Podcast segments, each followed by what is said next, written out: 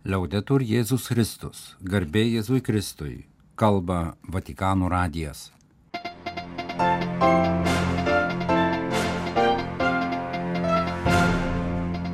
Malonus klausytojai, šioje antradienio Liepos 11 programoje Kamaldulių prioras Šventojo Benedikto šventės dieną paskirtas vyskupų Italijoje Pranciškonas Pier Batista Pizzaballa istorijoje bus pirmasis Jeruzalės lotynų patriarchas tapęs kardinolu.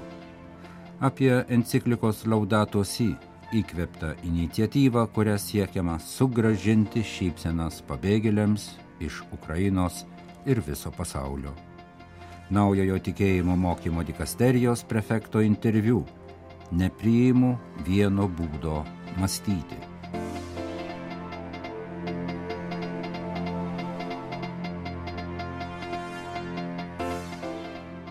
Kamaldulių abatijos prioras tėvas Robertas Fornačiari paskirtas vyskupų Sardinijoje, Italijoje.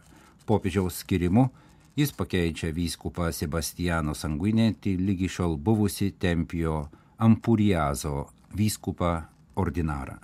Naujojo Sardinijos vyskupijos ganytojo skirimas paskelbtas kamalduliams ir kartu visai benediktinų dvasiniai šeimai simbolišką dieną Liepos 11-ąją minint liturginę abato šventojo Benedikto Europos globėjo liturginę šventę. Naujasis Tempijo Ampuriazo vyskupas ordinaras tėvas Robertas Fornačiari gimė 1963 metais Emilijos Redžia centrinėje Italijoje. 1989 metais įstojo į Kamaldulių Šventojo Benedikto ordiną, 2001 metais išventintas kunigu. Fornačiari yra šventųjų skelbimo dikasterijos patarėjas istorijos klausimais, anksčiau ėjo Areco vyskupijos Toskanos regione tarybos ir kunigų tarybos nario bei vikaro pašvestam gyvenimui pareigas. Vyskupas nominatas dabartiniu metu yra Kamaldulių abatijos bendruomenės vyresnysis. Pranciškonas Pier Batista Pizzaballa istorijoje bus pirmasis Jeruzalės lotynų patriarchas tapęs kardinolu. Kardinolystė jam tai popiežiaus kvietimas susitaikinimui šventojoje žemėje. Šventojo tėvo dėmesio šiai bažnyčiai ženklas, primenantis jo svarbą ne tik jos istoriją, bet ir žaizdas. Taip Jeruzalės lotynų patriarchas Pizzaballa komentavo jo paskirimą kardinolu apie kurį popiežius Pranciškus paskelbė po sekmadienio Liepos 9 viešpaties angelo maldos rugsėjo 30-ąją vyksiančios konsistorijos kontekste. Paskirimas labai nustebino arkivyskupą, popiežiaus geste jis mato Romos bažnyčios dėmesio ženklą motinai bažnyčiai, Jeruzalės bažnyčiai. Arkivyskupas pabrėžia, kad ši bažnyčia turi ypatingą pašaukimą visuotinumui, dialogui, susitikimui, taip pat misiją kviesti visus krikščionis ir nekrikščionis susitaikinimui. Skirimas kardinolu tai popiežiaus kvietimas tęsti šį kelią. Paskirimas ateina sudėtingų vietos krikščionių bendruomeniai metu, kai vis dažniau patiria agresiją, piknaudžiavimą, neapykantą ir pasipiktinimą iš žydų, naujakurių bendruomenių ir ekstremistinių dešiniųjų Izraelio grupių. Smurtas čia nėra jokia naujiena, sakė patriarchas, pabrėždamas, kad nerima kelia nuolatinis nepasitikėjimo augimas, kultūrinis substratas, iš kurio kyla šis smurtas. Žodžiai, kurie taip pat atkartoja popiežiaus pranciškaus raginimą pradėti dėrybas, kai jis sakė, suskausmu sužinojęs, kad šventojoje žemėje vėl pralietas kraujas ir išreiškė vilti, kad Izraelio ir Palestinos valdžios institucijos atnaujins tiesioginį dialogą, kad užbaigtų smurto spiralę ir atvertų kelius į susitaikymą ir taiką. Kalbėdamas apie Jeruzalės bažnyčios gyvenimą, nominuotasis kardinolas Pier Batista Pizzaballa neabejoja, kad viskas tęsis kaip anksčiau, tiesa, keičiasi spalva purpurinė kardinoliškoji, bet nesikeičia veiklos dvasia. Patriarchas tikisi, kad šis dėmesio ženklas bus dar viena paskata jų bendruomeniai įsipareigoti tikėjimo gyvenimui. 58 metų patriarkas ir nominuotasis kardinolas Pier Batista Pizzaballa gimė 1965 m. balandžio 21 d. Italijoje, Kolonio Alserijo vietovėje Bergamo provincijoje. 1984 metais įstojo į Vernos kalno pranciškonų novicijatą, 24 metų Bolonijos Šventojo Antano bažnyčioje davė amžinuosius įžadus. 1990 metais išventintas kunigo ir išsiųstas tęsti studijų Jeruzalės pranciškonų Biblijos institute. 1999 metais priimtas į Šventosios žemės pranciškonų kustodiją, 2004 metais išrinktas kustodijos vadovu, 2016 metais paskyrus Jeruzalės lotynų apieigų katalikų patriarchato paštališkojų administratoriumi konsekruotas vyskupu. 2020 metais spalio 24 dieną popiežius Pranciškus paskyrė arkivyskupą Pier Batista Pizzaballa Jeruzalės lotynų patriarchų. Klausotės Vatikano radio žinių laidos, tęsėme programą. Sugražinti šypsenas Ukrainos pabėgėliams ir visiems pasaulio žmonėms, priverstiems palikti savo namus besitraukiant nuo karo, bado, persekiojimų, klimato kaitos sukeltų stichinių nelaimių. Tai yra tikslas, kurio prasidėjus karui Ukrainoje siekia iniciatyva Riding the Rainbow, gimusi Luksemburgė Laudato Si įkvėpta žiedinės ekonomikos iniciatyva, kuria siekiama suteikti naujos gyvybės dviračiams, sporto prekiams, muzikos instrumentams ir naudotoms knygoms. Buvo toks berniukas kaip aš, kuris mėgo The Beatles ir The Rolling Stones. Skamba gerai žinomos dainos eilutė. Jis skambėjo jau tada, kai buvo kalbama apie Vietnamo karą ir šiandien, kai vyksta karas tarp Rusijos ir Ukrainos. O istorija būtų maždaug tokia. Buvo berniukas, kuris, kaip ir daugelis kitų, mėgo futbolą, čempionų lygą, keliavo po pasaulį, kaip 1965 m. dainos veikėjas, bet vieną dieną buvo priverstas viską palikti ir iš labai žalių ir turtingų futbolo aikštelių perėjo į pilkas ir vargingas pabėgėlių aikšteles. 16 metų Danielis su šeima neseniai atvyko į Luksemburgą ir apsigyveno pabėgėlius priimančiame centre. Ukrainoje jis žaidė vienoje stipriausių Donetsko Šachtar komandų, tačiau prasidėjus bombardavimams pabėgo pasimdamas tik tai, ką vilkėjo Liuksemburgė jis sutiko šeimą, kurios sunus yra Liuksemburgo klubo futbolininkas. Šeima padovanojo jų sunaus paauglystėje avėtus sportininko batus ir Danieliaus veide pasirodė vilties šypsena. Didžiulis džiaugsmas jam ir mums, gimęs iš labai mažo gesto. Tokią metaforinę istoriją pasakoja Emanuelė Santi Riding the Rainbow įkūrėjas ir asociacijos Afrilantropi prezidentas, kuris 2022 m. kovo mėnesį pradėjo paprastą, bet kartu ypatingą iniciatyvą naudotus, bet geros būklės dviračius ir sporto įrangą atiduoti Ukrainos pabėgėliams. Liuksemburgė gyvenantis 46 metų italas Emanuelė Vatikan News paaiškina, kad tokia idėja kilo beveik atsitiktinai. Vienas iš mano dviejų sūnų pirmasis panoro padovanoti savo dviratį, o aš nusprendžiau padovanoti savąjį.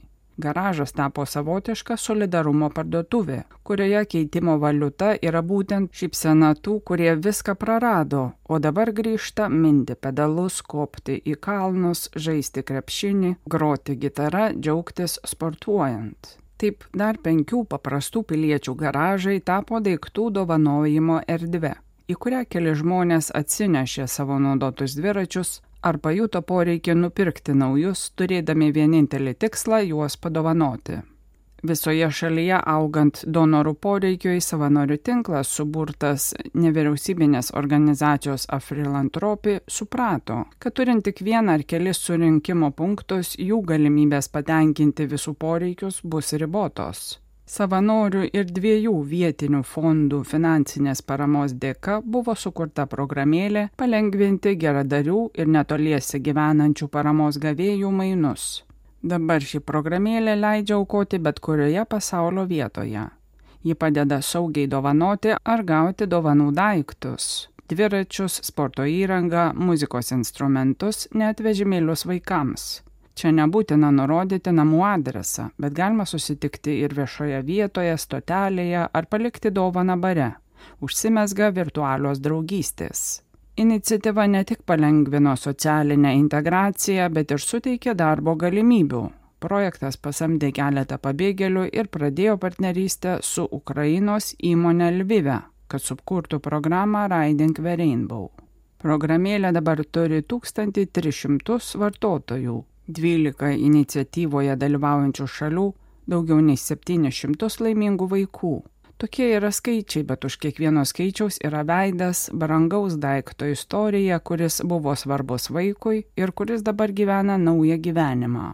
Kiekvienas skaičius nurodo į jauną pabėgėlį, kuris rado galimybę naujai pradžiai savo priimančioje šalyje, taip pat sporto aplinkoje, Iniciatyvos tikslas yra plėsti solidarumą, kad kiekvienas, net toks paprastas pilietis kaip Emanuelis, galėtų tapti dosnumo varikliu ir propaguotoju. Dviračio ar paspirtuko turėjimas vėl suteikia šiems vaikams ryšį su gyvenimu, kurį jie paliko, sako iniciatyvos autorius Emanuelė Santi, pasakodamas kitą istoriją susijęta su pavadinimo gimimu. Kai pradėjome šią solidarumo veiklą, Prie mūsų priejo ukrainietė mama ir labai nedrasiai pasakė, kad jos vaikams dovanotas dviratis tapo vaivorykštės šviesa jų akise. Liepos 9 dieną italų dienraštyje La Repubblica paskeltame interviu su Viktoro Manueliu Fernandezu, naujuoju tikėjimo mokymo dikasterijos prefektu iš Argentinos, ką tik paskirtų kardinolu, šis pakartojo. Pranciškus pažymi, kad doktriną reikia puoselėti ne tiek kontroliuojant, baudžiant, draudžiant, bet visų pirma auginant jo supratimą, gilinant ją. Dialogė su teologais ir pasauliu. Kaip naujasis prefektas reaguoja pavadintas progresistu, kaip pats prisistatyto?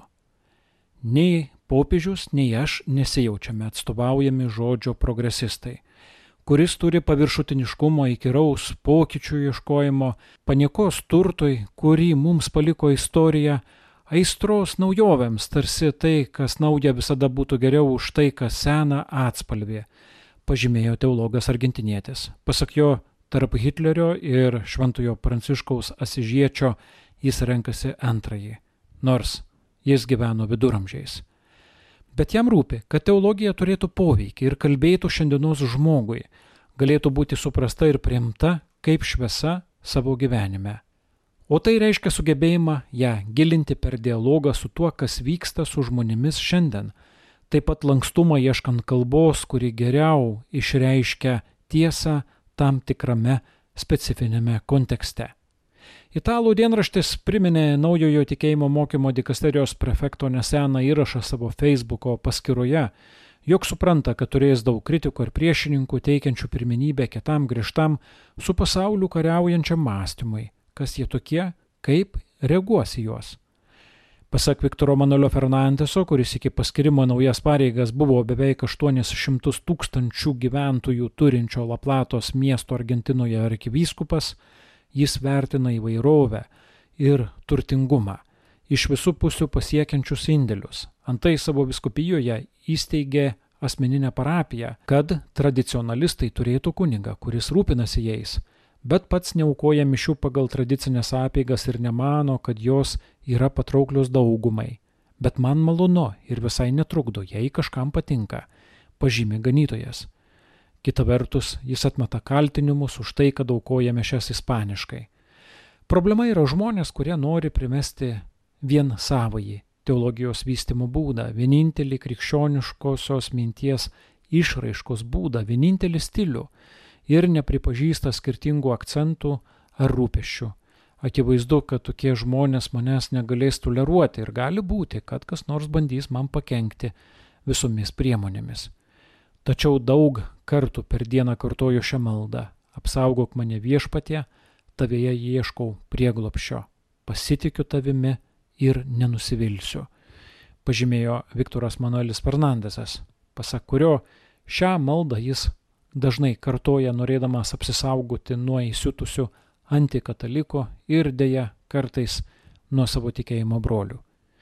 Interviu dienraščiui Le Republika jis taip pat atsakė kelis kitus klausimus. Ar peržiūrės ankstesnį tikėjimo mokymo dikasterijos atsakymą bei draudimą laiminti homoseksualių tikinčiųjų poras? Pasak naujojo dikasterijos prefekto, yra galimybė, kad šis atsakymas galėtų būti tikslinamas, turtinamas, gerinamas, geriau apšvestas pranciškaus mokymo. Dienraštis priminė naujojo prefekto abejonę dėl tinkamumo šioms pareigoms, nes jos apima ir nepilnamečių seksualinio išnaudojimo problemų sprendimą, o šioje srityje jis neturi pakankamos kompetencijos. Bet popiežius paaiškino, kad išnaudojimo bylas sprendžiantis skyrius gana savarankiškas. Pasak Viktoro Manuelio Fernandezo, jis įsitikinęs, kad išnaudojimo problema lemia bažnyčios tikitinumą šiandien Kita vertus, jis mažai ką gali patarti puikiems dikasterijos ekspertams, tad stengsis atsiliepti į visus jų poreikius, tuo pat metu jiems netrukdydamas dirbti, o pats labiau orientuosis į tuos klausimus, kuriems yra pasirengęs - į teologiją, tikėjimo apmąstymą, tikėjimo ir mokslo dialogą, teologijos, dvasingumo ir silovados ryšį, klausytis ir pasaulį apšviesti sugebančios teologijos vystimą Ar katalikiška seksualinė moralė yra nutolusi nuo tikrovės? Visada yra rizika paversti moralę paprasčiausiais draudimais, o tai nepadarys jos įtikinama ar patrauklę. Visada geriau parodyti pasiūlymo grožį, tikslą, siektiną idealą, Dievo mums parengtą vaišių stalą, pažymėjo ganytojas. Ar moterų vaidmo bažnyčioje bus permastomas ir kaip? Taip, bet sutelkti visą diskusiją į moterų kunigystę reiškia ją nuskurdinti. Panašiai diskusija turi turėti praktinių pasiekmių. Bažnyčia turi sugebėti moterims suteikti vietą ten, kur jos gali padaryti specifišką ir didžiausią poveikį. Dar 2015 metais popiežius Pranciškus sakė, kad tai, kas normalu vienos geografinės vietos ganytojui, iš kitos geografinės vietos kilusiam vyskupui gali būti skandalas. Tad koks ryšys tarp tikėjimo mokymo dikasterijos ir vietinių bažnyčių ir dabartinio sinodinio kelio, kur baigėsi klausimasis ir prasideda ortodoksija. Tai įkultūrinimo klausimas, įtim brangus Pranciškui, pažymėjo naujasis tikėjimo mokymo dikasterijos prefektas. Gindamas Lutynų Amerikos vargingiausiems žmonėms būdingą dvasingumą, jų būdą gyventi tikėjimu, jis konkrečiai pritaiko mokymą apie Evangelijos tikėjimo ir dvasingumo įkultūrinimą. Pranciškus labai gerbė skirtingus būdus būti katalikais, egzistuojančius įvairiose pasaulio dalise ir kreivai žiūri bet kokią vienodumo pretenziją. Priimti tokią pretenziją reikštų išduoti šventąją dvasę, kurios kūrybingumas neišsemiamas ir kuri kiekvienoje žemės vietoje gali sukurti unikalų Evangelijos įkūnijimo būdą, pažymė Viktoras Manuelis Fernandesas.